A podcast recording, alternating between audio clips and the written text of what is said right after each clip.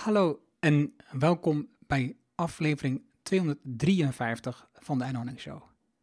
Waar je leert van ondernemers en ondernemende mensen die bijzondere resultaten bereiken. Welke beslissingen ze genomen hebben om hier te komen, wat ze doen, de strategie en hoe ze klanten krijgen. Mijn naam is Arno en ik deel mijn opgedane kennis, ervaringen en expertise met jou. Ik coach ondernemers die kennis leveren aan bedrijven om betere beslissingen te nemen, zodat ze weer gaan doen wat ze het liefste doen met meer resultaat en minder hard werken. Vandaag het gesprek met Anna Oinaska. Anna is sociaal ondernemer en zij heeft de 1% Club opgericht, een van de eerste Nederlandse crowdfunding platforms. Hier is later het SaaS-bedrijf GoodUp uit voortgekomen. Daarnaast was ze betrokken bij de oprichting van Nilab, een incubator in Nairobi, die later door Jack Ma, oprichter van Alibaba, werd gebruikt om zijn accelerator in Afrika uit te rollen. Nu is ze bezig met Scale-up Impact, een bedrijf die impactondernemers bij hun ambitieuze plannen ondersteunt. Daarnaast is ze ook nog schrijver.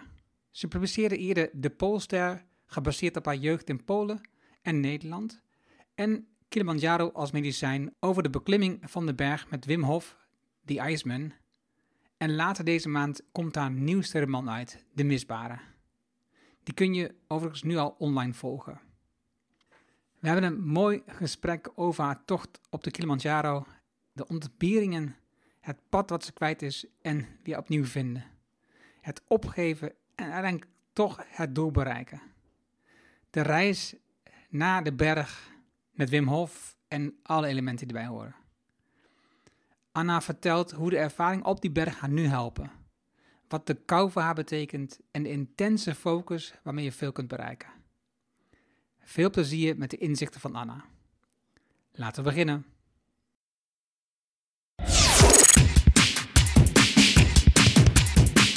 Welkom in de Erno Hamming Show.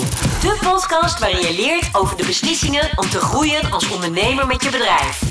Luister naar de persoonlijke verhalen van succesvolle ondernemers en ondernemende mensen. Dan nu jouw business coach Erno Hamming.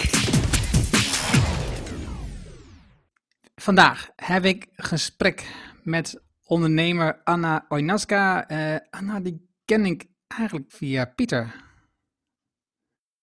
Pieter is al heel lang mijn maatje. Uh, we hebben samen in Mastermind gezeten. Ik heb meerdere keren met hem samengewerkt voor verschillende. En de laatste keer dat ik met hem samengewerkt heb ik ook met jou samengewerkt, met Anna. En uh, hebben gekeken naar producten voor Scale-up Impact. Dat is het bedrijf van jou op dit moment. En yes, ja, ja, ja, uiteraard, uiteraard. En um, Anna, je, kijk, er zitten al mooie richtingen in jou um, geschiedenis waar ik op kan gaan. En, en laat ik even beginnen met, um, ik heb je boek gelezen, uh, het boek over um, het beklimmen van de Kilimanjaro. Kilimanjaro als medicijn is de titel. En potjan 6, wat kun jij goed schrijven? Dank je. Jeetje, ja, dat is een echt goed een, verhaal uh, hebben is altijd belangrijk natuurlijk, ook binnen je bedrijf. Dus, uh, Ja, ja ik, was, ik ben echt impressed. Um, en, en, en, en vraag me ook gelijk af waarom je niet meer schrijft dan alleen uh, die twee boeken die je hebt geschreven. Want je, het andere boek, het eerste boek was Polestar overigens. ja. Waarom schrijf je Nou, niet meer een boeken? Waarom schrijf je niet meer? Ja? Uh, spoiler alert, mijn uh, derde boek komt binnenkort uit. Op een hele interessante corona-achtige manier. Um, mijn derde boek, De Misbaren, wordt mijn eerste echte fictieboek. Um, ga ik zelf uitgeven, dat ik eigenlijk al besloten voor de crisis, zeg maar. Uh, omdat mijn huidige uitgever, die mijn eerste twee boeken had uitgegeven, Leiding Zijthof, um, die is voornamelijk uh, goed in één soort verhaal, dat ten eerste. Mijn derde boek wordt een, een andere genre. Uh, maar ze zijn natuurlijk ook qua ondernemerschap, schrijverschap en ondernemerschap zijn twee verschillende dingen. En ik als schrijver heb binnen mijn uitgever geen invloed op het ondernemerschap. En dat was voor mij best wel lastig. Uh, Zo'n uitgever heeft per... Uh, ze hebben drie seizoenen, zeg maar, een jaar. En per seizoen hebben ze ongeveer 60 titels. Um, ja, dat is het heel moeilijk om als een nieuwe schrijver ertussen op te vallen. Ik krijg grofweg zes weken om, om, om het te maken, zeg maar. En als dat niet lukt, dan lig je eruit. Nou, het is bijna onmogelijk om dat voor elkaar te krijgen. Onder andere omdat je ook nergens invloed op hebt. Dus niet op je verkoopproces, niet op uh, je marketing, niet op et cetera, et cetera. Dus een goed overleg met mijn uitgever, waar ik een hele goede band nog mee heb, uh, Hedda van Luiting hebben we besloten dat ik het nu zelf ga doen. En toen kwam corona. dus, maar goed, het was een online concept, dus het gaat alsnog door. Dus ik hoop het wel ergens deze maand te lanceren. Dus bij deze heb je de, de eerste die het hoort eigenlijk, Erno. Nou, fantastisch. maar oké, okay, nu moet ik iets meer uitleg krijgen van je, want je hebt het over de corona-manier en online concept. Wat, hoe, hoe gaat het in zijn werk? Um, nou, een belangrijk onderwerp voor elke ondernemer of elke mens is dat ik beslissingen nemen. Um, en ik weet dat het bij jou in je podcast ook een belangrijk onderwerp is. Uh, dus als grondslag voor alle beslissingen uh, ligt volgens mij een soort van kennis van, van jezelf of van je bedrijf. Hè? Dat zijn die kernwaarden die wij eigenlijk, uh, waar we altijd op hameren. En die lijken misschien een beetje vaag, uh, maar als het beslissingen aankomt, zijn die heel erg belangrijk. want jij wilt keuzes maken die heel erg bij je passen en waar je goed bij voelt. En waar je eigenlijk ook alles voor een huis hebt om dat goed uit te voeren. Um, dus ja, uh, dus die kennis van jezelf, wat, wat is voor jou belangrijk? Wil je een, een, een rustig leven hebben of wil je een spannend leven hebben? Um, wil je verschil maken of wil je juist heel gedegen uh, processen waarborgen? Het zijn allemaal belangrijke dingen, maar, maar, wat is dat ene ding wat bij jou past? Dus die kennis is, is uh, de allerbelangrijkste, denk ik, als je goede beslissingen wil maken. maar een andere is natuurlijk ook heel goed weten ja, wat jouw unieke bijdrage kan zijn daarin. Uh, maar ook welke kansen er zijn. Hè? Dus het is ook een soort van interne en externe analyse eigenlijk van, uh, uh, van wat er is. Um, nou, en met verwijzing naar corona is, is eigenlijk een crisis natuurlijk, een, een ongekende crisis. maar in wezen is het, ja, het, het is eigenlijk iets waar je dagelijks al mee te maken hebt. Onzekerheden, dingen die je niet zag aankomen, et cetera. Eh, het is nu dat het ons allemaal in één keer treft, maar, uh, maar ook in normale tijden uh, is er een deel van de bevolking en bedrijven die daarmee te maken hebben. Die onzekerheden en dat soort dingen. Zeker groeibedrijven. want als zij het goed doen, komen ze per definitie voortdurend in een situatie die onbekend is voor ze en nieuw. Um, dus het is eigenlijk een skill die je wel zou moeten beheren eigenlijk als bedrijf.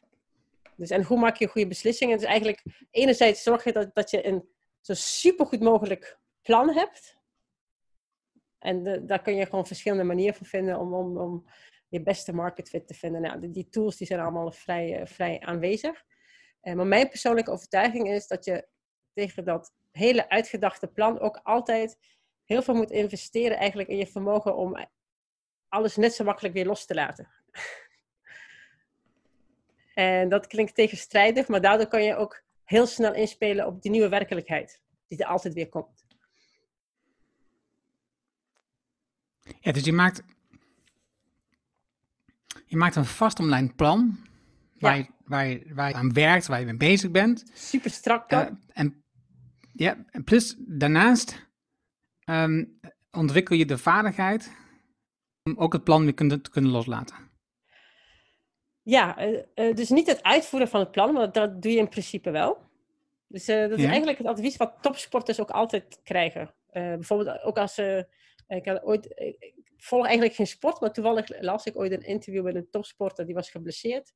Die had ook allemaal oefeningen gekregen. Nou, weet je, een super strak plan om zo snel mogelijk te herstellen. Dat doe je, maar tegelijkertijd laat je het ook los. en omarm je alles wat er gaat gebeuren. Uh, en dat klinkt, ja. dus zoals ik zei, het is een soort yin en yang. Hè? De, de ene kant is heel uh, uh, uitgewerkt, heel veel controle, et cetera. En de andere is loslaten, volledige acceptatie van datgene wat er is. Um, als je die twee skills weet te beheren, volgens mij ben je dan altijd heel goed in staat om alles uit te halen uit welke situatie dan ook.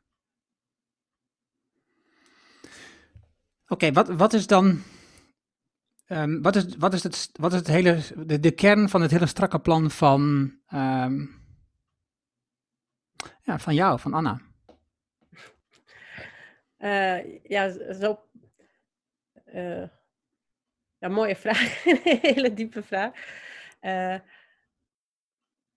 ja, zo, zo, grappig, want bij Scale-up Impact hebben wij een, een, een, manier om je hele bedrijf te mappen. Dus inclusief je kernwaarden, je purpose, uh, tot aan de activiteiten die je dit jaar gaat doen en, en, morgen en vandaag. Dus dat is wel grappig. Dus een soort, dezelfde aanpak kan je heel goed op jezelf loslaten. Ik vind het heel leuk om met die bouwstenen altijd te spelen, ook binnen mijn gezin. Want dat ik ook altijd, hoe helder je die onderdelen voor jezelf hebt, hoe, makkelijk, hoe makkelijker je zo kan communiceren naar andere mensen.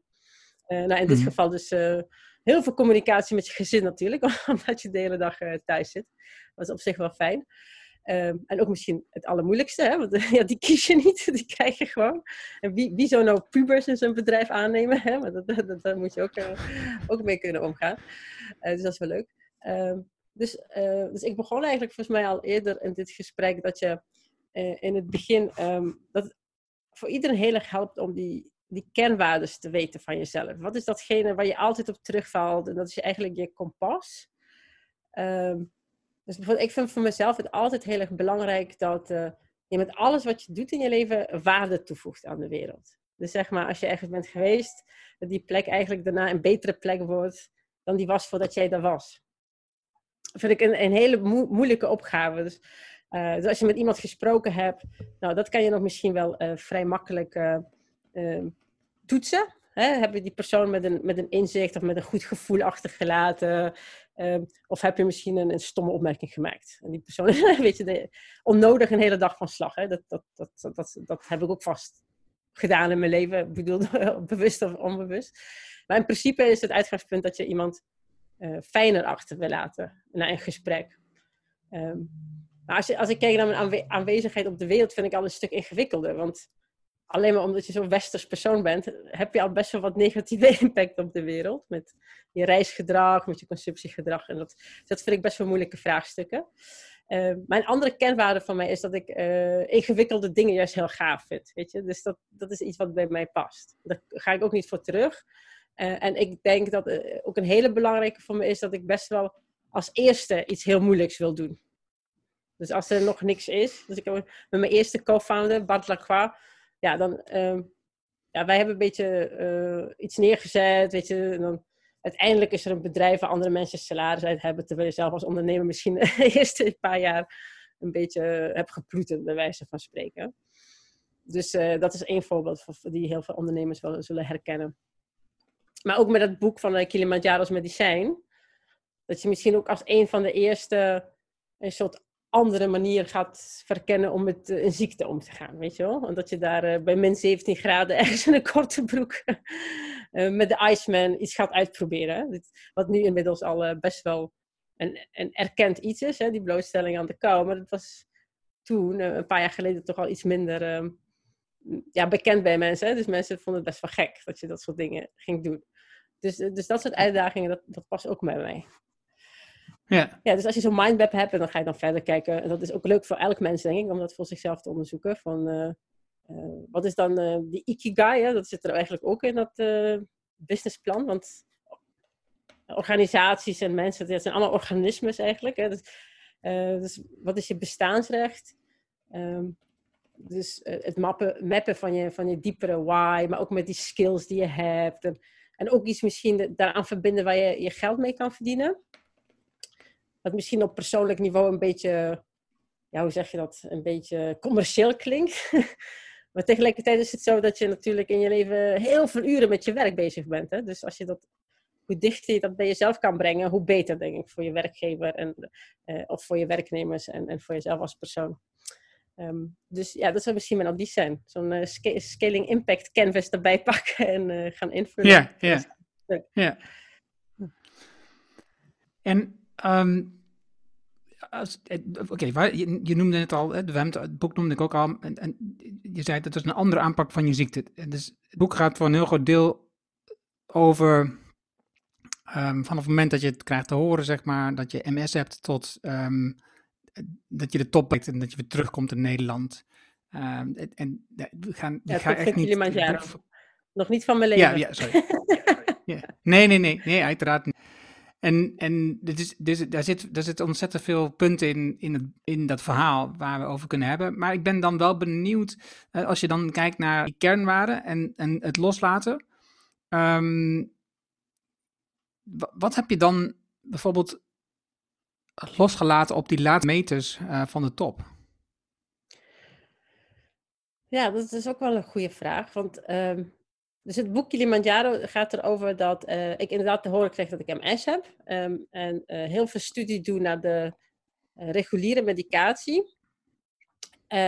ervoor kies om het niet te doen. En dan moet ik echt bij zeggen dat het gewoon goed met me ging. Hè? Dus als, als ik me slecht had gevoeld of ik had echt last ergens van gehad, had ik misschien een andere keuze gemaakt. Ook een hele goede legitieme keuze. Dus het was echt een persoonlijke beslissing. Maar toch, met de ene kant heb je best wel wat onderzoek. Nou, en eigenlijk in dat geval geen plan. Helaas zijn er nog geen medicijnen voor MS. Eh, maar toch is Wim Hof iemand die met wetenschappers werkt. Het is niet zomaar dat je dat een of andere goeroe je diep in je ogen kijkt en zegt van nou je moet dit doen en dan, uh, en dan doe je dat. Uh, dat ik hem leerde kennen, zat hij echt op een podium met een wetenschapper van de Universiteit van Nijmegen naast hem. En samen gingen ze uitleggen dat hij zijn auto-immuunsysteem kon beïnvloeden. Vond ik super interessant, want uh, ze weten nog steeds vrij weinig van MS. Maar zij vermoeden dat het een auto-immuunziekte is. Nou, dus ik dacht van, goh, uh, geen medicatie, maar toch altijd een soort van innerlijke behoefte om iets te doen. Hè? Dat, willen we toch graag een soort van ons leven positief beïnvloeden. Voor zover dat gaat. Uh, ik vond nou interessant, ik ga eventjes kijken hoe hij dat doet. En hij heeft een manier wat inmiddels wel wat beter onderbouwd is. Er zijn verschillende onderzoeken geweest. En zeker in de tijd van corona is het echt wel de moeite om, om zijn kanaal te, te volgen. Uh, maar oké, dus uh, hij had voorgesteld, los van de ziekte, om uh, Kilimanjaro te gaan beklimmen. En dat is een klim wat je normaal in zes dagen doet. Um, hij was op dat moment bezig met heel veel wetenschappelijk onderzoeken, maar dat duurt allemaal lang voordat het gepubliceerd wordt. En hij zei van, nou, we gaan eventjes aantonen dat dit ook voor andere dingen goed is. We gaan een berg beklimmen, bovenop de Kilimanjaro, heel weinig zuurstof. Maar wij gaan het in 48 uur doen, uiteindelijk. We zullen het in drie dagen doen, uiteindelijk in 48 uur uh, gelukt. En een korte broek. Bovenin is het min 17. Het was meer zo'n soort uh, statement om te laten zien dat je wel degelijk veel meer kan dan je denkt, et cetera. Um, en, en, daar komt wel heel veel loslaten bij te kijken. uh, ten eerste, nou, als je het boek gelezen hebt, uh, de groep mensen die dat soort dingen doet, zijn best wel bijzondere mensen. Het is echt zo'n uh, losgeslagen zootje, om het heel aardig te zeggen. Ze zijn echt nog steeds mijn beste vrienden, daar niet van. Alleen, je kan je indenken dat als je zoiets doet, met zo'n mate van onzekerheid, dat je best wel... Ja, een van mijn eerste inzichten was van, ik, ik kan gewoon geen mening hebben hier. Want ik kan hier echt overal gaan ergeren en, overal iets van vinden. Je gaat het doen of je gaat het niet doen. En, en, meer kun je daar niet mee. Hè? Dus dat is één mooi inzicht. Um, en een ander ding wat ik echt moest loslaten is dat uh, voor mij was de grootste uitdaging van dat hele MS was uh, de diagnose zelf. Ik had op zich geen fysieke last van iets, maar iemand zegt je vandaag dat je misschien binnen vijf jaar in een rolstoel zit of dat je misschien vervroegd dement wordt of dat je blind wordt. Nou, dat is een soort van loterij, dat weet je niet.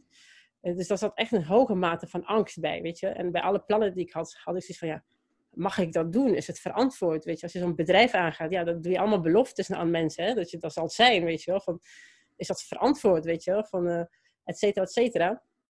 En het leuke van die berg was dat je eigenlijk weer iets ging doen wat eng was. Want um, we werden echt gewaarschuwd dat als je zo snel uh, eh, 6000 meter omhoog gaat, dat je uh, vrij veel zeker uh, hersenudeem gaat krijgen of um, een zwelling in je hersenen of in je longen. Uh, het is ook best wel eng, waarom ze dat doen. Hè? Je doet het hè, om gezond te worden en vervolgens ga je het gevaarlijk doen en zo. Maar wat je die angst een soort van uh, zelf opzoekt, um, verandert die, die verhouding eigenlijk. Hè? Want je, uh, je wordt weer eens een keertje om twee uur s'nachts wakker, maar je denkt van oké, maar wacht even, dit, dit, was mijn idee. Weet je? dus het overkomt je niet, je hebt een soort van zelf opgezocht. Dus je krijgt een soort van controle, en dan bedoel ik niet controle dat je absolute invloed hebt op wat er gaat gebeuren, maar um, je hebt wel een soort van de, ja, niet meer de, de, de, slachtoffer die, of diegene die het ondergaat, maar degene die het soort van bepaalt of zo. Dus dat, dat is een andere verhouding. En daardoor um, kan je, uh, ja, het is wel best wel, ja, misschien gek om te horen, maar ik dacht van, oh, de angst, oh, die is daar weer. En dan ga je een soort van uh, vrienden mee worden. Dus, eh, oké, okay, hmm. je bent er, ja, ik mag je nog steeds niet, maar uh, take a seat, een kopje thee, weet je wel. Ja, echt op dat niveau. Je gaat gewoon echt ehm, ja, goed zorgen voor die angst. Alsof, dus zoals je dat ook eigenlijk voor een gast zou doen die bij je thuis komt, weet je wel.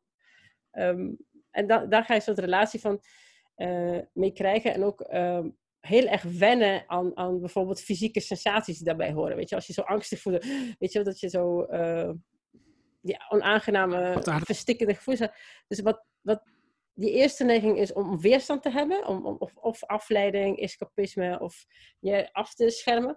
Maar wat je eigenlijk moet doen, is dan middenin gaan staan. Dus dat, uh, hm. maar dat gaat veel makkelijker als je dat zelf opzoekt, weet je. maar dat je, oké, wacht, dit was het hele idee. Dus je um, schept voor jezelf eigenlijk als een soort van ruimte om daarmee aan de slag te gaan. En achteraf dacht ik van, oh, dat is eigenlijk ook wat Wim Hof zegt over de omgang met de kou. Weet je, want uh, wat, hij is natuurlijk de Iceman en is dan twee uur een ijs. Um, maar als je in een ijsbad gaat zitten, ja, dit voelt echt niet lekker. Ik, ik ben nu in opleiding als instructeur. Ik doe het nu weer vaak, maar ik heb vijf jaar bijna niks meer gedaan. Maar nu toevallig ben ik er weer volop mee bezig. Uh, nou, nog steeds niet lekker. Weet je, het is verschrikkelijk. Maar dan leer je op een zelfgekozen moment om met iets om te gaan wat totaal oncomfortabel is. Uh, en dat is zo'n machtig gevoel, dat je merkt dat zelfs op het moment uh, een ijsbad, zoals zij dat klaarmaken, zijn alleen maar ijskransjes. Dat is gewoon echt pijn, weet je wel. Dat is echt alsof iemand duizend naalden in je steekt en zo. En zelfs dan kun je ontspannen. Dat, dat is zo'n bizarre inzicht. Um, dus dat omgaan met die angst en dat omgaan met, met die pijn en zo'n ijsbad, dat is een best wel vergelijkbare mechanismes. Um, waar je gewoon soort van goed in kan worden. Dus uh, heel interessant. Ik kan iedereen ja, Ik zit dan te denken ook aan die, um, uh, wat je vertelde over dat, de pijn. en, dan ben ik kwijt wat ik daarvoor wil vragen. Maakt niet uit. Ik stel je een andere vraag, komt die vast wel terug. Dus twee dingen waar ik aan dacht. Dus je maakte een keuze voor jezelf om die pijn op te zoeken in dat experiment om die berg te beklimmen. Um, hoeveel ben je dan ook bezig met het effect van die keuze van jou op anderen? Nou, best wel, best wel heel erg. Want eigenlijk is het. Uh, uh, als je het goed wil doen, moet je eigenlijk iedereen aangehaakt houden. Want uh, dat ik die berg ging beklimmen met de Iceman. Nou, drie kleine kinderen thuis en een man, weet je. Ja, je kan niet zomaar uh, de deur uitlopen, de deur achter je dicht en zoek het maar uit. Dat, dat, ja, misschien doen sommige mensen het zo, maar uh, dat is niet de manier om het te doen. en gelukkig is mijn man, uh, ja, vindt het allemaal fantastisch. En, en, eigenlijk mijn hele schoonfamilie, ja, zoals je las in het boek, die zijn, die zijn bijna allemaal mee geweest. Dus dat scheelt natuurlijk ook. Um, maar ik denk ook bij dat uh, creëren van vrijheid in je leven hoort heel erg veel, uh, ja, zeg maar, sales op de goede manier. sales, op, niet dat ik verkoop iets waar je eigenlijk niet op zat te wachten, maar meer zoiets van, ja, hoe, hoe zorgen we dat het ons allemaal ten goede komt, weet je wel? Van, dat je ja, heel erg in je relaties investeert. Want dat is voor mij wel een soort van vereiste ik ben wel best wel een soort van. Ik heb heel veel behoefte aan, aan tijd om zelf na te denken en ook uh, alleen te zijn. Dus iets uh, minder uh, tof tijdens zo'n lockdown, weet je wel. Als je dan met, z'n vijven opgesloten zit. maar dan nog, dat, dat goede relaties met iedereen hebben en echt iedereen um, ja, aangehaakt houden, samen dat doen of zo. Dat, dat, dat is voor mij wel een vereiste van dat soort processen. Mm Anders wordt het wel snel eenzaam, denk ik. Ja, het, het, is wel grappig dat je dat koppelt aan het goed verkopen. Dat is wel een mooie link. Ehm, die andere maar wat is goed verkopen, net... Dat is ook wel leuker voor ondernemers. Ja, goed verkopen is, is, is uh, doe je op het moment dat je heel goed probleem of de uitdaging van iemand anders snapt. En daar uh, beste oplossing voor weet te vinden. En hopelijk heb je dat als bedrijf, die oplossing, weet je wel. Dus, maar ik bedoel, uh, dat is wel, uh, verkopen is wel heel goed snappen wat iemand anders nodig heeft. En ook goed kunnen uitleggen wat je zelf nodig hebt, hè? In een relatie dan, hè? als je dat dan vertaalt. Oké, dus, oké, okay, dus, dus dat vertaal ik dan even. Dus nu, wat was dan het probleem van je man en hoe heb je dat gekocht? Uh, nou ja, of probleem, uh, zeg maar, of zoiets, als je iets, iets doe, als je iets wilt doen wat iemand anders met een probleem opzadelt, hè, al is het maar dat je weet ik veel, een paar weken minder thuis aanwezig bent, wat niet zo handig is als je. Ja, Oké, dat, dat, dat, in mijn optiek, als ik je boek lees, is dat het het minst groot probleem. het grootste probleem is dat je is dat je gewoon overlijdt op de berg. Ja, ja, ja, ja. Nou, ja, dat is wel grappig, hè? Dat, eh, mijn man heeft zich er nooit zorgen over gemaakt. Grappig, hè? Dus dan bijna denken van waarom niet, weet je? Dus- Ja, zo dacht Nee, ik, dat zo dacht ik gelukkig nooit, niet. eh, Nee, dat, eh, dat is wel raar eigenlijk, hè? Dat je dat... eh, Het is, het is toch absurd. Dit- wat je schrijft. Ook in een podcast een gesprek met Katja Staartjes gehad. Het is een, een Nederlandse bergbeklimster die een aantal toppen in de wereld heeft bereikt. En haar presentatie bijgewoond, die in, in Amphion Doetinchem met allerlei beelden van twee beklimmingen. En als je ziet wat voor eh, kleding, wat voor voorbereiding, wat voor Mm. training doen met een team. en Het is ongelooflijk hoe goed zij zich voorbereiden op een beklimming. En ook nog steeds dan in die situaties, in ehm, ernstige situaties uitkomen die levensgevaarlijk zijn. En jullie gaan in een korte broek gewoon. Zootje ongeregeld, ja. Dat is toch niet normaal? Nee. Nee, en, en toch was het, het was technisch natuurlijk geen moeilijke beklimming. Het was niet zo dat je van de berg af kan vallen, hè? Dus ik had wel Nee, maar mezelf- dat, dat, dat, dat, dat ook soms, natuurlijk niet zo. Ja. Ja.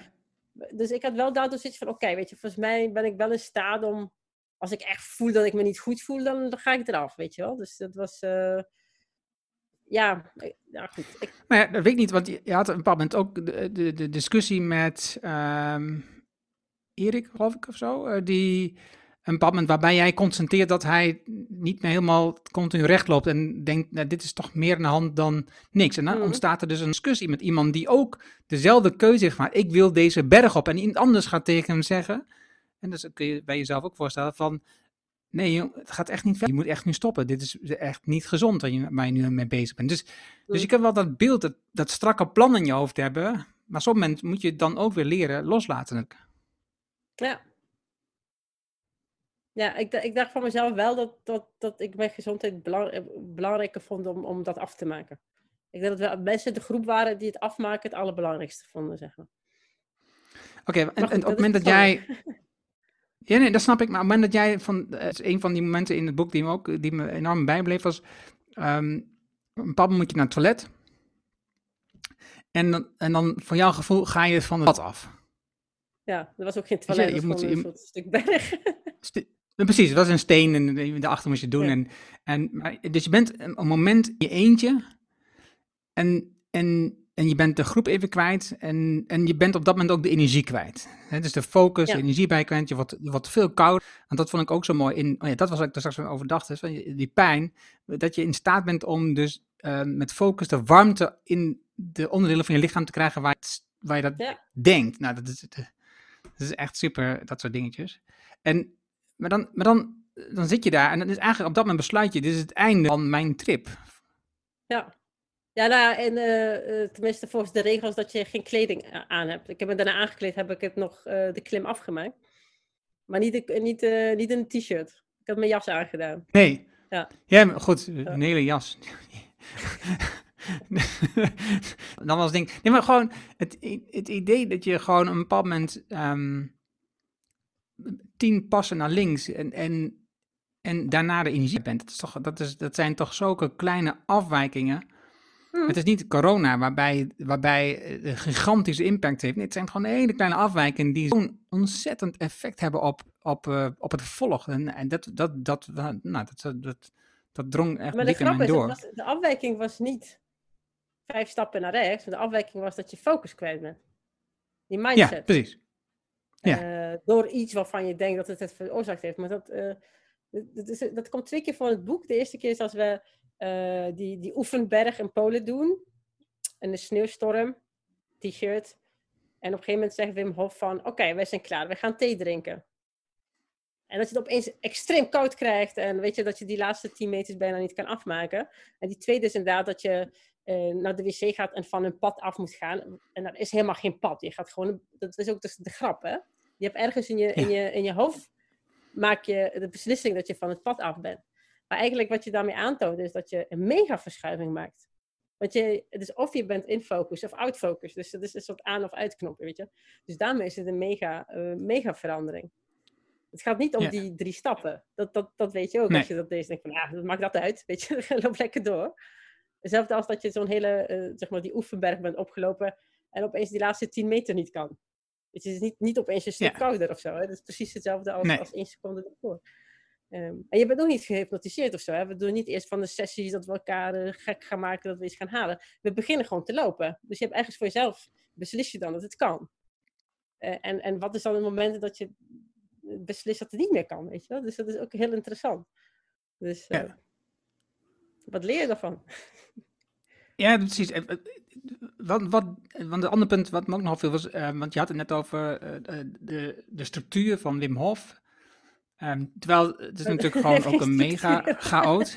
Precies. Hè, dus je bent van een strak plan en, en, en je hoort die verhalen van eh, ehm, eh, onderbouwing vanuit de, de, de, de geneeskunde of vanuit de, ehm, de kathedraal, maar dus de, de, de, de plekken waar, Ja. waar, waar de kennis zit en beschermd wordt. Zit je met een man te werken die eh, geen plan heeft eigenlijk. Ja, het enige plan wat hij heeft is we gaan met z'n allen die berg op. En het grappige in het boek, of ja, het grappige is niet echt grappig denk ik dan, op het moment dat je overkomt, is dat een bepaald moment dat je dus zegt, ehm, tot ziens allemaal, ik ga nu in mijn eentje en ik ga er vandoor. Ja. En dan is in één keer degene die gezegd heeft, we gaan met z'n allen berg op, die is gewoon in één keer weg. Wat, Ja, en, eh, ik was ook echt heel boos, maar je kan maar drie seconden boos zijn. ja, Anders is je het niet. Precies. Want zie je hier ook. ehm, nee, laat ik anders vragen. Overeenkomsten zie je hier met bijvoorbeeld het bedrijfsleven als, als, als, als de oprichter in één keer vertrekt? Oeh, oprichten weet ik het niet. Ehm, ja. Ja, de overeenkomsten. Ja, dat. Maar eh, misschien ja, nee, zijn ze niet eh, Ja, nee, misschien is het ook wel hoor. Want. eh, hmm. Nou, ik voor mezelf had ik zoiets van, ik was natuurlijk wel eh, verbolgen. En dat, ik kom natuurlijk ook bij hem op terug. Van hallo, van, ik moet wel zeggen, we zijn niet alleen achtergebleven. Hè. Er waren heel veel gidsen mee. En het is niet zo dat wij daar eh, ergens bij min 17 alleen dat bergje op moesten lopen. Zo was het ook weer niet, hè. Eh, Nee, nee, nee. ik was wel zoiets van, hallo, weet je wel, we doen dit samen. We doen dit om aan te tonen dat jouw methode werkt met, met gevaar voor eigen leven. Dus wel netjes als je even naast ons blijft lopen. Dat, dat ben ik ook met hem mee teruggegaan van, ja, hey Wim, wat, wat was dit nou? Ehm, hij zei wel terecht van, ja, het is wel iets tussen jou en de berg. Er is eigenlijk niks, ook al loop ik naast je, er is er nog steeds niks wat ik voor jou daarop kan lossen. Eh, en daarin vond ik het ook weer een sterk punt. Van uiteindelijk is het wel in je eigen hoofd dat, eh, wat er moet gebeuren. Ja. Ja. Dus ja, het is wel lastig, maar je hebt wel een bepaalde verwachting. Dus eh, en dat, dat sociaal Ja. contract, of dat onuitgesproken contract, was naar mijn gevoel wel verbroken op dat moment. Dus eh, Ja. Ja, dat lijkt me toch, dat lijkt me dan wel heel vergelijkbaar met eh, als je een bedrijf hebt en, je, en die, als, als oprichter, ondernemer, Mhm. heb je een visie, een plan voor wat je wil bereiken. En daar bouw je een team omheen. En, en met iedereen zeg je, we gaan deze reis aan. Dit zijn de waarden waarvoor staan. Dit is, wat ik wil bijdragen aan de wereld, wat ik wil veranderen in deze wereld.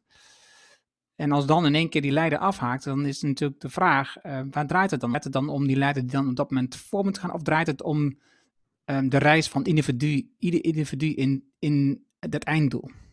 Nou, dus, dus eigenlijk nu, nu heb ik daar beter antwoord op. Want ik vind het wel bizar hoe snel de, de, binnen organisatie de purpose echt van die organisatie wordt. En ook het doel, weet je wel. Dat, eh, dus ik ben echt van overtuigd. Eh, en ook, eh want ik ben zelf bij mijn eigen bedrijf vorig jaar weggegaan. Maar zelfs daarvoor is het vaker gebeurd dat mijn team mij aansprak op de zuiverheid van onze purpose. Dus het is ook heel, heel grappig. Dat, en ook heel erg op scherp. We op een gegeven moment hadden wij, ehm, hadden wij multinationals, corporates als klanten.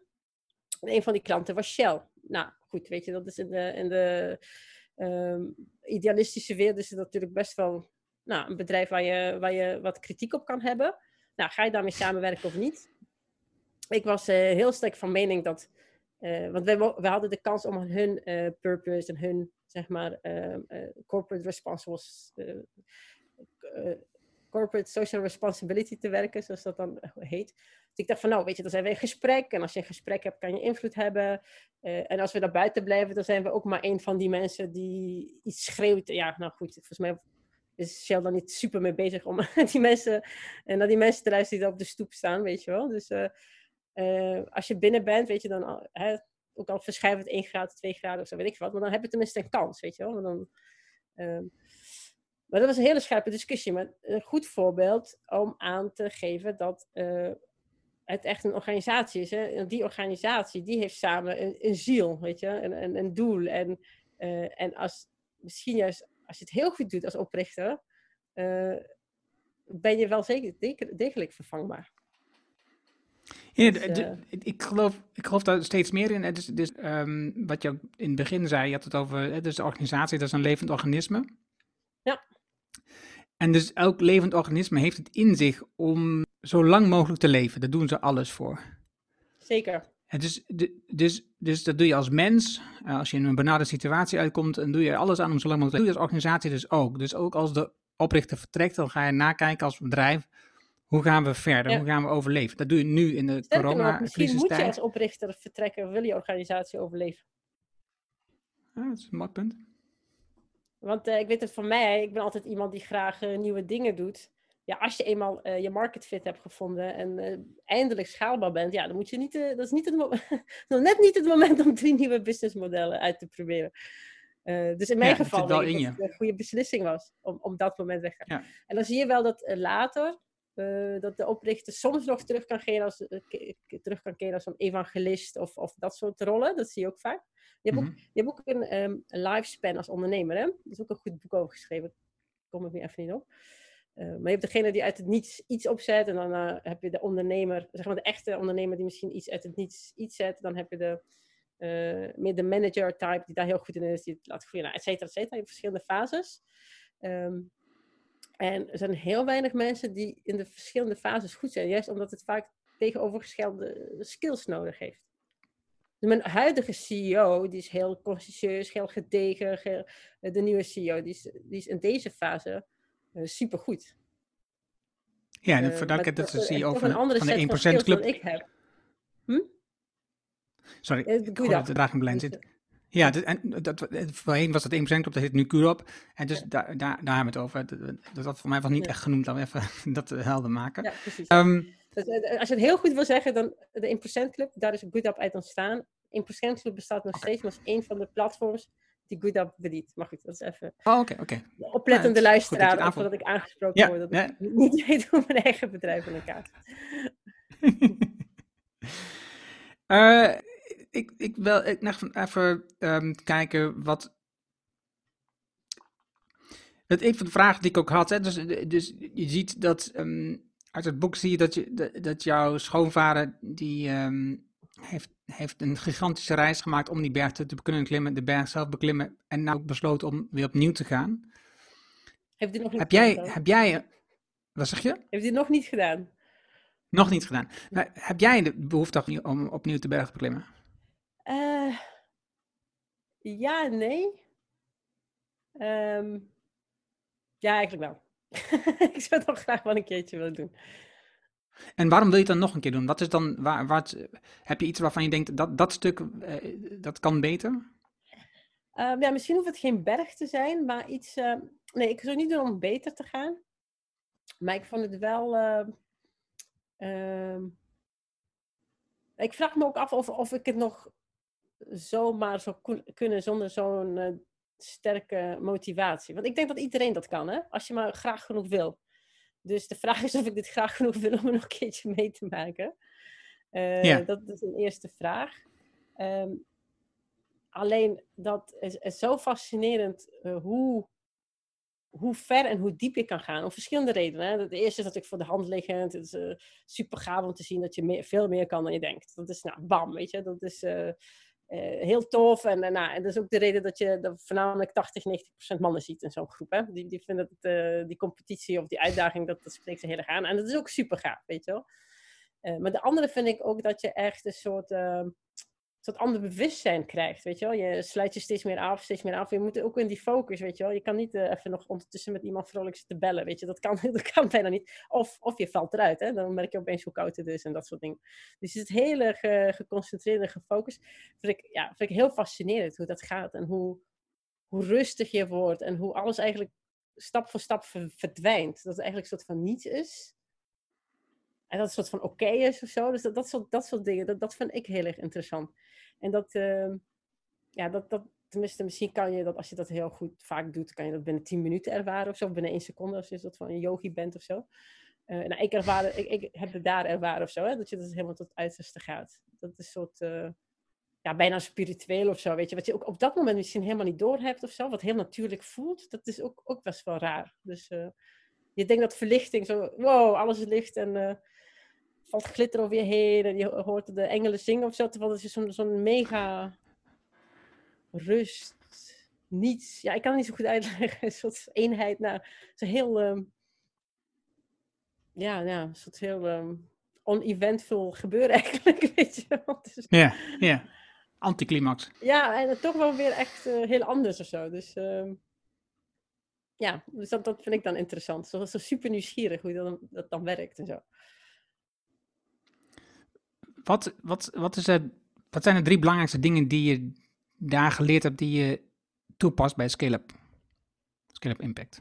Um, ja, ik denk sowieso die combinatie van dat je zo goed mogelijk plan hebt, maar ook wel met die voortdurende uh, acceptatie dat het echt wel anders gaat. Maar dat, hè, dus je hebt zo'n super strak plan. Je komt vandaag op je werk en om negen uur s ochtends eerst wat gebeurt is je marketingmanager zegt op. Of je belangrijkste klant zegt op. Of, uh, en een uur later heb je juist wel een mooi contract. Dus je gaat, al, ik zeg altijd, je hebt zo 22 emoties op een dag als, uh, als je echt met je bedrijf bezig bent.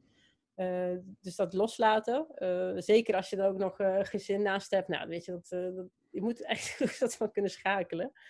En ook gewoon accepteren dat, dat, je, dat je helemaal niet zo loslaterig bent vandaag. Hè? Want die dagen heb je ook natuurlijk dat je, dat je minder zen bent en dat, het, dat, dat, dat je zelf ook anders gaat. Hè? Dus niet alleen maar dat dingen om je heen anders gaan, maar je, je, reageert, je reageert ook lang niet altijd zoals je zou willen. Hè? De, super zen. En, weet je, we hebben nu dat gesprek en het klinkt heel verlicht en heel tof en heel helemaal topiopie. Maar ja, weet je, vijf minuten later uh, dan uh, heb je een of andere uit... Nou, weet ik veel, hè. Dat, uh, zo gaat het leven. Dus, dus dat moet je ook van jezelf accepteren.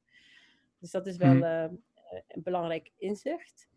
Um, en um, nou, wat ik ook altijd belangrijk vind, is dat er altijd zo'n onderscheid wordt gemaakt tussen de soft en hard skills. En hard zijn, weet je, van hoe goed je met een Excel-sheet omgaat, financials, programmeren, nou, noem het maar op. Um, Terwijl ik eigenlijk denk, denk, dat die soft skills, die zijn echt, echt wel 30 keer zo moeilijk als de hard skills, weet je wel.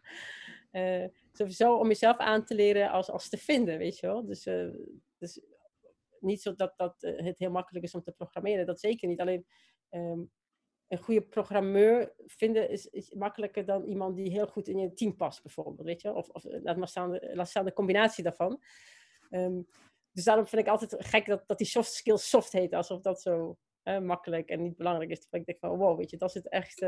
En de uitdaging voor jezelf om daar goed in te worden, maar ook om dat goed op te zoeken, goed te fixen met, met het team en zo. Dat, dat vind ik ook altijd interessant.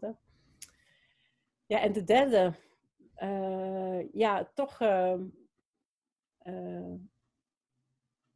ja, altijd weer openstaan dat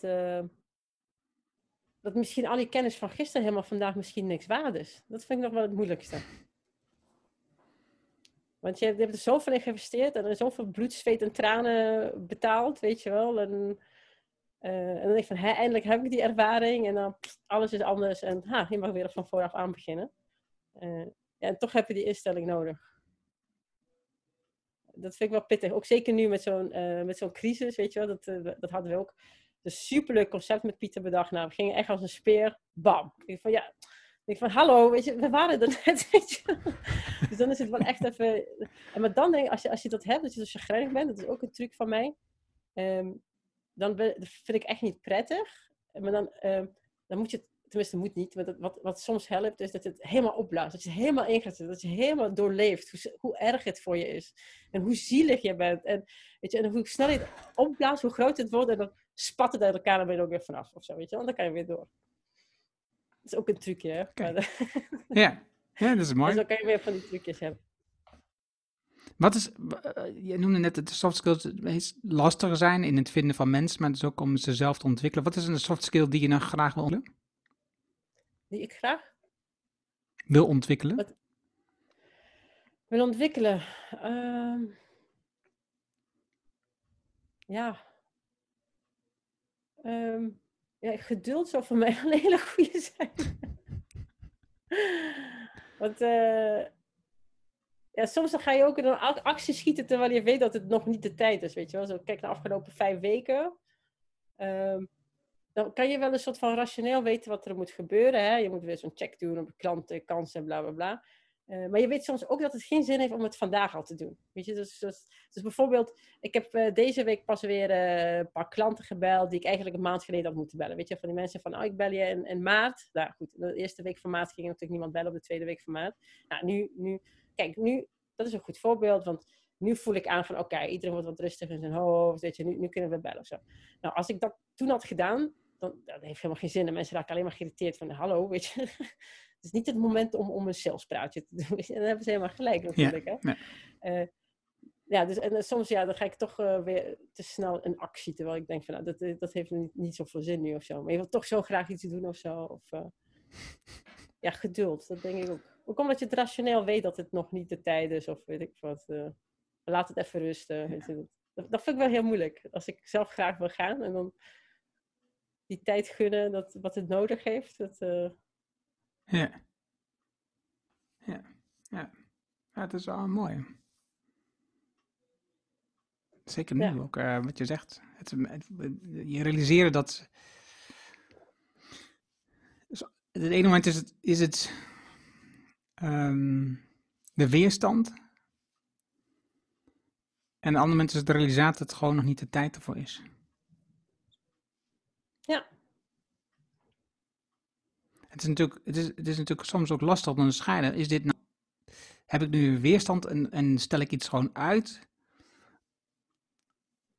Of kan ik het beter uitstellen omdat het dan een betere timing is? Het zijn ook wel dingen die, ehm, die lastig zijn. Ja, en hoeveel, eh, hoeveel ruimte heb je daarvoor, hè? Dat, eh, Ja. Nou, ik weet van mezelf dat je sommige gesprekken gewoon niet moet hebben als je ik vind, energieniveau of, of happinessniveau onder de acht zit of zo, weet je wel. Eh, en en eh, nou, als je zo'n bedrijf hebt met twee man zoals Pieter en ik nu hebben, dan heb je gewoon daar iets meer ruimte voor dan als je in een bedrijf met 30 man zit. Dan kan je niet, eh, vijf, je kan niet elke dag vijf gesprekken uitstellen, omdat je die dag even wat minder lekker zit, weet je. Dus Ja, het is inderdaad de lastige. ja precies. Want de- de- wat, wat is nou, is nou, voel je nou niet lekker omdat je iets aan het uitstellen bent, of nou niet lekker omdat de situatie ernaar is? Weet je, dat is natuurlijk, dat is natuurlijk het onderzoek wat, ehm, wat lastig is op zo'n moment. Hè. Zeker nu merk ik dat, ik merk dat, eh, ik merk dat ook zelf ook wel van, ja, ben ik nu dingen aan het uitstellen, of, of, of is ik nou gewoon, is het goed om het gewoon even te laten rusten, omdat ik gewoon de tijd nodig heb om dat te ontwikkelen? En, ehm, interessant. Ehm, Dat is ook een leuk trucje voor om Ja. daarachter te komen. Oké. En ook met moeilijke beslissingen, als je het echt niet weet, dan is een, eh, een muntje opgooien, kop of munt. En dan is de truc niet zozeer doen wat het muntje zegt, maar voordat het muntje is gevallen, weet je meestal wel wat je wil dat het wordt. Daarom is het serieus een hele goede manier om erachter te komen. Ja, ja, nee, precies. Die, die, die, truc die had ik, eh, heb ik ook al eens opgeschreven. En dus, ehm, die, eh, ik, ik gebruik hem trouwens zelf nooit, moet ik eerlijk zeggen. Bedenk het me nou. Maar het is, het is wel, ehm, het is wel een truc, ja. Vooral dat stuk dat je, eh, net, net voordat de munt, zeg maar, dat je op, op- naar de munt kijkt, da- da- dan weet je eigenlijk gewoon wat je wil. Ja.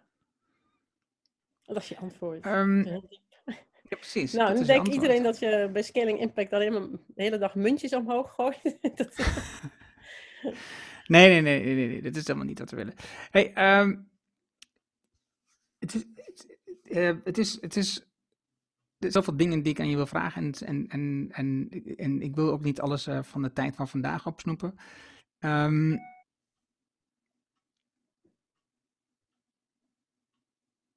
je bent weer begonnen met, met uh, want dat was een vraag die ik ook had. Hè, dus je bent begonnen weer met uh, instructeursopleiding voor, um, van de IJsman voor, van Wim Hof. Wat, wat, wat wil je daarmee realiseren? Wat wil je daarmee bereiken? Nou, de eerste was eigenlijk heel, uh, heel praktisch, want uh, ik kwam terug van mijn skivakantie en ik, ik werd zelf ziek, een beetje verkouden en zo. Dat dacht van, oh, dat heb ik eigenlijk niet zo vaak. Dus ik dacht van, weer mee aan de slag. maar ja, er gingen weer drie dagen voorbij en ik had weer geen koude douche genomen. Nou, je weet hoe het gaat, weet je wel. Er genoeg andere dingen, zo bezigheden op zo'n dag. Weet je vroeger, toen we nog naar ons werk gingen. En toen dacht ik van, nou, ik ga die opleiding doen. Dan heb je zo'n stok achter de deur. Hè, dan weet je al dat je, dat je veel meer gaat doen en zo. Nou, dat was de eerste. Maar de tweede is echt wel dat, dat, uh, uh, dat ik dat echt als een goede aanvulling zie op zo'n Scaling Impact programma. Hè, waar je zo'n one-pager invult van je bedrijf. En, en alles van A tot Z, een soort van framed. En heel goed weet waar je heen wil gaan en welke acties daarbij horen. En dat ook met je hele team eraan kan werken. Nou, dan heb je dat. En het tweede gedeelte is dat je een ijs op ijsbad gaat zitten en gaat loslaten, weet je wel. Ik vind dat heel mooi bij elkaar passen. En natuurlijk hoef je dat niet in een ijsbad te doen, hè. Dat kan je op, op manieren, mindfulness. Nou, je hebt nou, dat, aan dat soort trainingen geen gebrek, hè. Kijk maar op LinkedIn, je wordt helemaal. Uh, maar nogmaals, die combinatie vind ik zo krachtig. Uh, dat ik van, oh, dat is wel een hele mooie aanvulling. Het past ook, zeg maar, bij onze invulling van, van de scaling up, hè. Van, waar, ehm, zeg maar, de oorspronkelijke scaling up wat nog steeds bij heel veel bedrijven past. En is gewoon nou, winst, gazillion dollars, zoals die bedenker van die methode zegt. En nou, toch wel, ja, toch wel meer, meer, meer, zoals we dat zeggen. En, en wij willen bij Scaling Impact echt naar beter, beter, beter. Weet je? En dat past bij mij echt bij beter, beter, beter. Zo. Dat je met je businessmodel echt bijdraagt aan de wereld. dat je de mensen, zowel in je bedrijf als buiten je bedrijf, centraal staat. Maar dat je bij alles ook echt wel, ja, ook aan jezelf denkt. Want dat zie ik ook bij ondernemers heel vaak. Dat, uh, dat alles, ja, dat balans daar ook, ook vaak zoek is. Hè? Dus ondernemers zitten er helemaal invested in met persoonlijke financiën, met tijd, nou, weet je, kwaliteit van hun leven en zo. Maar dat is echt een soort van ook die yin en yang, weet je Van, hoe beter het weet los te laten, hoe meer ruimte je ook hebt voor andere dingen in je leven. En je hebt maar één leven, ja, dus... Ja. Uh, ja, precies. En omdat je zo'n bedrijf, weet je, dat is, dat is niet drie jaar van je leven. Dat is voor heel veel mensen echt wel 10, 20, 30, misschien wel 40 jaar. Van je beste jaren van je leven, weet je wel. Kun je zorgen dat je die zo uh, goed mogelijk meemaakt. Ja, ja. Dus vandaar dat ik het hele mooie ja, goed, het, de, En de vraag is natuurlijk, wat is dan zo goed mogelijk? Hè? Want um, uh, je hebt het ook in je boek over de nieuwe, meer menselijke samenleving. Wat betekent dat voor jou? Wat, hoe ziet dat eruit? Kijk, ik een mooie one-liner voor heb.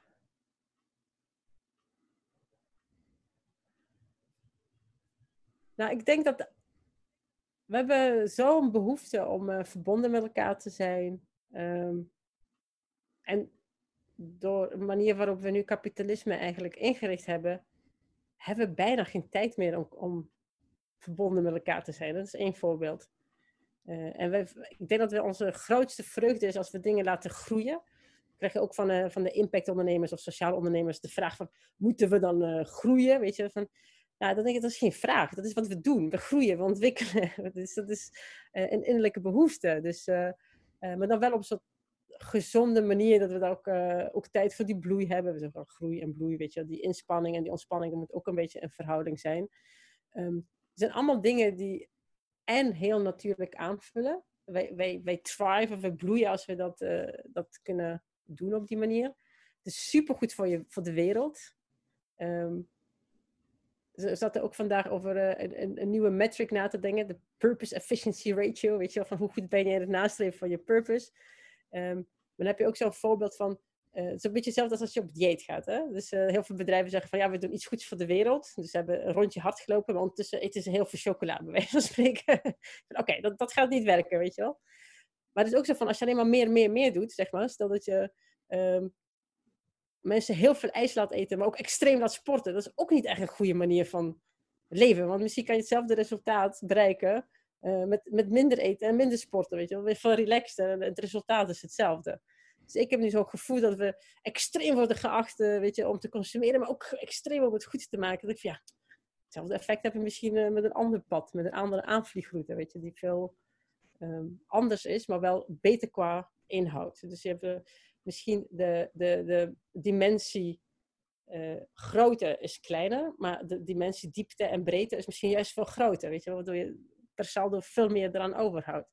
Als we er anders naar leren kijken, houden we misschien met z'n allen veel meer aan over. En daar heb je ook heel veel leuke modellen voor al tegenwoordig. Dus. Oké, okay, eh, die parkeer. Zie je noemde het ook, dat is dus uh, bij elkaar zijn, dat is een belangrijk iets waar, waar we nu uh, in, waar we in die economie aan tekort komen. Zie je dan door nu de coronacrisis dat, dat we weer terug, meer terug gaan naar naartoe? Dat je meer uh, ja, nee. verbonden zijn met anderen? Omdat we ook ergens weer natuurlijk elkaar juist niet mogen zien. Dat is, dat is wel weer een lastige vraag. Um,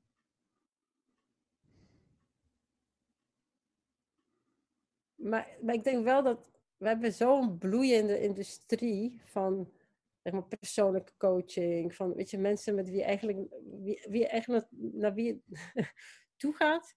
Om eigenlijk betaald je verhaal kwijt te kunnen. Dan heb ik niet over de interventies en therapieën die gewoon, dat is een andere tak van sport of zo. We hebben ook een hele bloeiende industrie van mensen waar we naartoe gaan uh, om eigenlijk aangeraakt te worden. Massages, weet je, dat is... Uh, dus dat betekent wel dat dat een soort van ergens anders in de maatschappij niet is. Dat, dat we daar niet uh, genoeg tijd of ruimte voor hebben, die verbondenheid, de dingen met elkaar delen. Uh, wat ik, laatst had ik ook met iemand een gesprek van, met wie kom je nog spontaan thuis langs waar het rommelig is? Weet je, dus in mijn jeugd ging bij tante op bezoek en die liep nog met krulspelden naar haar. En dan weet je, er dat nog een vieze wasmand in de hoek. Weet je niet dat zij niet netjes was, maar dan kwam je gewoon spontaan van die momenten dat het niet uh, netjes is. Ik dacht van, nou, ik kom, ja, oké, nu zijn mijn kinderen, wat, nou, dat ze kleiner waren, had je misschien nog iets meer bij je buren of zo, dat je je kind kwam ophalen of zo. Maar nu, ik kom bijna niemand bij, zelfs niet bij mijn familie. Als ik daar nu langskom, dan weten ze dat ik kom. Het opgeruimd. Snap je? Je ziet, je, ziet niet meer op de bank met die ene oom in een boxershorts, weet je, die, die een beetje met de lepel yoghurt uit zijn bak zit te eten. Weet je, van die momenten die eigenlijk alleen... Dat soort dingen, weet je, dat, uh, dat, dat, dat hebben we eigenlijk niet meer zo vaak. Dat, dat soort intimiteit en verbondenheid. Dus dat was een voorbeeld hoor. Maar dus alles moet nu zo af en perfect. En, en ik mis dat soms wel, weet je wel. Dus, dat je zo'n oud bunty lekker ziet. nou goed, je snapt wat ik bedoel. Dus dat uh, intimiteit. En uh, niet altijd dat perfecte... Want dat, perfecte plaatje dat kost natuurlijk ook weer energie en geld. Dat is voor de, economie natuurlijk hartstikke goed. Want alles moet af en mooi. En, nou goed, dat, dat zijn um, nog niet hele uitgewerkte concepten. Maar ik denk dat er ook wel veel in zit. En dat heb je met corona ik helemaal niet, dat je iets spontaans meemaakt. zit thuis. Nee, dat is waar. Dat is waar. Ik, ik moet ook altijd enorm uh, lachen als ik in de buurt, um, zeg maar, dan heb je die bladbladen, die kun je omdraaien en dan heb je een soort stofzuiger waarmee je in de tuin kunt stofzuigen. Hè? Dat dan kun je die, bla, ja. die bladeren zo opzuigen. Nou, dat is echt, voor mij is dat gewoon het summum van, van opgeruimd zijn, dat je je tuin gaat stofzuigen. Ja. Dat denk ik echt van, wat zijn, we, wat zijn we aan het doen? Alsjeblieft. Dit is toch, dit is toch niet hoe de natuur bedoeld was? Dat er geen blaadjes, de, de blaadjes zorgen juist voor de energie en, en, en de voeding van de bodem in plaats van dat we het moeten wegzuigen omdat het er niet uitziet. Ja, dus, um, ik vind het een hele dus, dus een interessante vraag, maar dat is dan voornamelijk voor onze westerse maatschappij. Uh, we, hebben, we hebben nog we hebben een soort van uh, figuurlijk heel veel vet op onze botten. Hè? Van, uh, we, weet je, als die bladblazen wegvalt, dan missen we het nog niet. Als zeg maar 80% van de shampoo-merken wegvallen, missen we het niet, et cetera. Uh, dus wel natuurlijk, dat missen we niet qua producten, maar dat is natuurlijk een soort van gevolg, dat er minder banen en dat soort dingen, weet je. Dus, dus het is natuurlijk heel erg een uitdaging hoe je zo'n transitie zou kunnen faciliteren, zonder dat het meteen zo'n implosie, en daarmee onrust en geweld, hè, want hè, als je eenmaal een grote groep mensen hebt die geen dak boven hun hoofd hebben, honger, ja, dat, dat gaat tot ellende leiden natuurlijk. Dus hoe, hoe ga je zo'n proces um? Dus nu heb je die tijdelijke roep voor die basisinkomen, maar ben bang dat het niet door gaat zetten. Mm -hmm. Eh, dus het is wel een uitdaging van hoe je dat managt, dat downsize, weet je wel. Ja, dat, dat, ik denk, dat is, dat is wel een, iets waar ik, wat al in mezelf enorm veel discussie oplevert, weet je? Dat je, dat je in het ene moment denk je, het zou slim zijn als we dat niet meer doen, en het volgende moment denk je, ik wil dat niet missen. Uh, terwijl, om, om, een voorbeeld, hè, dus de kappers zijn gesloten, dus, dus, hè, dus we kunnen op dit moment gewoon niet naar de kapper, tenminste niet naar een kapper die daarvoor geschoold is. Uh, terwijl vroeger, um, dus de generatie voor mij, dus, die gingen zelden naar de kapper, die deden het gewoon zelf, weet je dat, was niks bijzonders. Dat deed iedereen. Dat is doodnormaal. Ja. Uh, dus dus het, is, het is een behoefte die gewoon gecreëerd is. Ja. En Rutte gaat dus, er wel dus, kappen. Zag je dat gisteren? Oh nee, dat heb ik niet gezien. Dat is hartstikke nee. goed, hè? Ja, de, de haar was dat goed, maar die andere, eh, ik weet die, die andere minister niet zo goed, maar die, die, die, had, die had zich thuis laten knippen onder begeleiding eh, van, een, van ja, de kapster. Ja, dat, had, ja, dat heb ik op social media. Ja, ja maar veel dingen waarvan je denkt dat ze echt nodig zijn, dat is gewoon een behoefte die gewoon die gecreëerd is, die, die, die oorspronkelijk niet was. En die ons in de kern ook niet echt veel rijker maakt. Dus sterker nog, um, ik denk, wat jij zegt, ik denk dat hij ons armer maakt. Hè? Dus, dus het, het, het, feit dat je bij de kap in de stoel zit en daar leegloopt over uh, wat je overkomen is en dat thuis niet vertelt, dat is, dat is, dat is die armoede. Ja. Ja, uh, ja, goed. Het is een heel interessant onderwerp. Van, uh, dat is natuurlijk zo'n hele. Wat me ook daarbij opvalt is dat als de verandering eenmaal afgedwongen is, dan wennen we heel snel. Hè? Dat zie je natuurlijk ook met die hele lockdown. Maar om bewust die verandering aan te gaan, dat, dat is dan weer zo'n heel onmogelijk iets. Heel, heel interessant uh, om mee te maken nu. Want ik ben heel bewust met alles, ook uh, met aankopen ik probeer heel vaak tweedehands kleding, weet je, wat dan wel een soort van nieuw, maar nog tweedehands of zo, weet je. Maar vliegen, dat was bij mij eigenlijk mijn Achilleshiel. En ik dacht echt, dat kan ik niet zonder, weet je wel, van oh, mijn bedrijf. Uh. Nou ja, ik, eh, ja, oké, niet dat ik zo eh, super goed heb gedraaid afgelopen maand, maar op zich denk ik nu wel van, ja, dat vliegen was niet essentieel van mijn businessmodel of zo, weet je Het is best wel uh, een dingetje, dus je kan het prima zonder. En, en, en dan nog ja, precies. ondernemers in Nederland en, en ook op, op, op treinafstand. En ik kan tot, uh, tot München, tot Parijs kan ik prima met de trein, weet je wel. Dus uh, dat is een groot genoeg markt voor, voor, voor mijn bedrijf. Dus ehm, ja, en waarom niet? Waarom kies je daar niet zelf voor? Ja. Nee, dat, dat, precies, dat is, dat is denk ik ook de, de hele kunst hierin. Het, wat je zegt, het is, kijk, het afgedwongene betekent dat iedereen het doet. Kijk, als je zelf je keuze maakt, je hebt natuurlijk referentiekaders um, van mensen om je heen. Hè? Dus, dus je kijkt vanuit de situatie waar je in staat naar anderen. En grappig nog kijk je altijd naar mensen die net iets meer hebben dan jij, of die net iets beter hebben dan jij. Je kijkt nooit naar beneden, kijk, ik heb het hartstikke goed, want die mensen hebben het minder. En dus, dus, dus je, vliegen is noodzakelijk, want eh, want het is nodig van bedrijf. Maar stiekem denk je, kijk, want zij doen het ook, dus ik moet het ook kunnen. Of zoiets dergelijks. Dat is natuurlijk ergens wat er waarschijnlijk achter zit. Ik, moet, uh, ik heb maar één keer per jaar ga ik op vakantie. Dus eigenlijk is dat niet genoeg, want onze buren die gaan allemaal drie keer. Ja. Wat de hel. The fear of missing out. En dus is dat, het is natuurlijk heel moeilijk om dat te veranderen als je zoveel gedrag van datzelfde gedrag om je heen ziet. Um, en dus eigenlijk zou maar zo kunnen dat het niet anders kan als dat het opgelegd wordt. Ja, en, en daarbij hebben we nog steeds dezelfde vraag van hoe, uh, hoe zou je dit elkaar kunnen krijgen zonder die extreme sociale onrust, wat er misschien bij als gevolg uh, mee cadeau krijgt. Want uh, die vet op de botten, die heeft 80, 90 procent van de wereldbevolking niet. Die, dat zag je natuurlijk in India. Dat is bijna een doodvonnis als je, als je maand niet kan werken. Dat is gewoon ja. dag niet eten, twee dagen niet eten, een maand niet eten dat is uh, een, een heel ander verhaal natuurlijk. Ja, ja eens. En indirect oh. Varen ze ook bij met die overconsumptie. Hè? Dat is gewoon ook gewoon een feit. Want uh, de, de hmm. gemiddelde wereldbevolking is erop vooruit gegaan. En weet je, bijna alle meisjes zitten tegenwoordig op school. En heel veel ziektes zijn geneesbaar, et cetera, et cetera. Dat is echt wel te danken aan het kapitalisme. Alleen als je extreme ongelijkheid hebt, dat is tot nu toe in de geschiedenis elke keer weer raak geweest. Vroeg of laat uh, breekt de pleuris uit. Uh, En dan is niet de ziekte, maar vroeg of laat breekt er altijd sociale onrust uit, die uiteindelijk wordt afgewacht. Ja, weet je, zo'n pandemie kan een, een, een, aanleiding zijn of zo, weet je. Dus, uh, dus, je wil het gewoon niet hebben. Het is ook logisch, weet je wel. Je, wil geen, je kan het nog zo goed hebben, maar als je buurman honger heeft, dat is gewoon een bedreiging. Want als jij honger als ik honger heb, ga ik ook gekke dingen doen. Dat, dat doen mensen als ze honger hebben. Dus je moet, ik zeg altijd, mijn uitgangspunt is, zorg dat iedereen om je heen gewoon te eten heeft en het goed heeft. Ja, je veiligheid ja precies. Dat is de beste manier. Want, uh... Ja. Oh, Anna, ik kan nog um, lang met je praten. Het is, uh, het is, het is um, straks nog even bellen. Mooi om... ja, nee, maar het is gewoon mooi om, om, om met jou zeg maar, hierover na te denken, om te luisteren hoe je dit ziet. Um, en, ik, goed, ik, ik, wil in ieder geval zeggen dat, dat ik. Dat het, uh, als je luistert naar deze podcast, het is een tip: um, lees het boek Kim als medicijn. Gewoon omdat het A, een heel mooi verhaal is, maar B, ook omdat je iets leert of wat ze zegt. Hè? Dus dat, dat je aan de ene kant een pad, op de andere kant uh, leert loslaten. Die twee verschillen. Um, ja, ik heb, ik heb nog uh, twee vragen voor je om af te sluiten.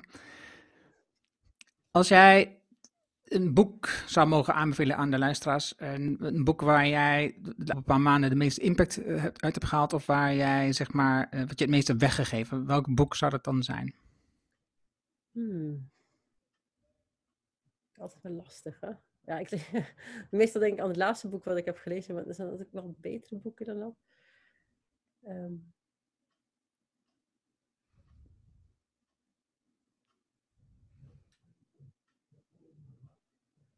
Nou, ik denk het uh, boek wat echt mijn leven, ja, het boek wat mijn, mijn leven het meeste verandert is nog steeds uh, The Seven Habits of Highly Effective People. Maar ik denk dat jouw luisteraars het allemaal al lang hebben gelezen.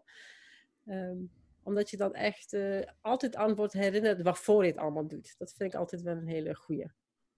En zeker als je nadenkt over uh, een soort nieuwe economie of een nieuwe maatschappij, vind ik dat een hele goeie. Um, maar dat is natuurlijk wel niet een hele originele bijdrage. Um, ja, jeetje. Ik nog iets te veel uh, boeken lezen om er eentje te kiezen. Hmm.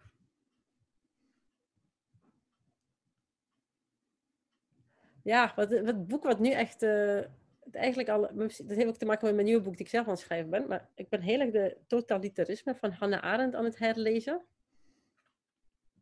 En dat is echt... Uh, bizar actueel. Ik weet niet of dat een leuk boek is voor mensen om dat niet te lezen. Uh, maar misschien is het wel een goede om te beseffen welke gevolgen de keuzes maken. Uh, de keuzes hebben die we maken. Haar inleiding voor dat boek is dat, dat was dan de jaren dertig natuurlijk, net voor de, uh, eigenlijk voor de Tweede Wereldoorlog en na de Tweede Wereldoorlog. En toen zei ze dat de leiders van die tijd niet opgewassen waren tegen de uitdagingen, de bedreigingen van die tijd, met alle innovaties, et cetera.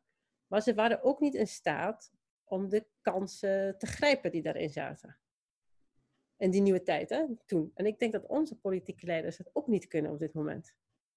Dat vind ik dan zo uh, een soort. Uh, een van die hele bizarre actuele dingen voor deze tijd. Hm. En dat samen met de toegenomen invloed van bedrijven en zo, er zit ook wel genoeg stof tot nadenken. Dus. Uh, dat zou misschien een aanrader zijn. Misschien niet degene die had verwacht, maar het boek maakt nee, echt ik, steeds, uh, nog steeds indruk. Zeker nu. Ja, nee, ik heb, ik heb nog niet eerder gezet. Voor mij is het een mooie, in ieder geval voor mij is het in ieder geval een mooie tip. Dus voor mij heb je het alweer beter achtergelaten. En, en um, stel, je hebt een billboard uh, waarop jij een bericht mag achterlaten. Een billboard wat door miljoenen mensen wordt gezien. Um, en het is geen commercieel bericht. Wat zou er dan op staan? Ja, um, van Rumi uitspraak. heb ik net als mijn screensaver erop gezet. Um, wacht even, dan moet ik hem even erbij dat ik hem goed zeg. Hij, gaat ongeveer als volgt. Um, start walking on the path and the path will show itself. Of, of hij zegt het misschien iets mooier. Uh, maar het, gaat erom als je niet zeker weet wat de weg is, dat je het gewoon dan op moet gaan lopen en de weg zal zichzelf wel wijzen. En daar geloof ik in deze tijd echt, echt nog meer in dan normaal. Je moet gewoon in ieder geval die richting weten. En als je eenmaal die kant op gaat, dan komt het allemaal echt wel goed. Ook omdat meer mensen dan alleen maar jezelf dat ook zo ervaren. Ook al komen ze misschien niet altijd dagelijks tegen. Die zijn er echt Hm. wel degelijk. En samen, samen komen we er wel uit. En de richting, dat zijn je kernwaarden. Ja, of een doel. Endgame, zoals Steve Covey dat zegt. Mhm. Dus, eh, Oké, wanneer komt je zal boek je uit? je quote nieuwe even doorsturen naar dit interview? Ja, nee, ik, ik, vind hem, ik vind hem zeker. Wanneer nieuwe Ja. boek uit? Hm? Wanneer komt je nieuwe boek uit?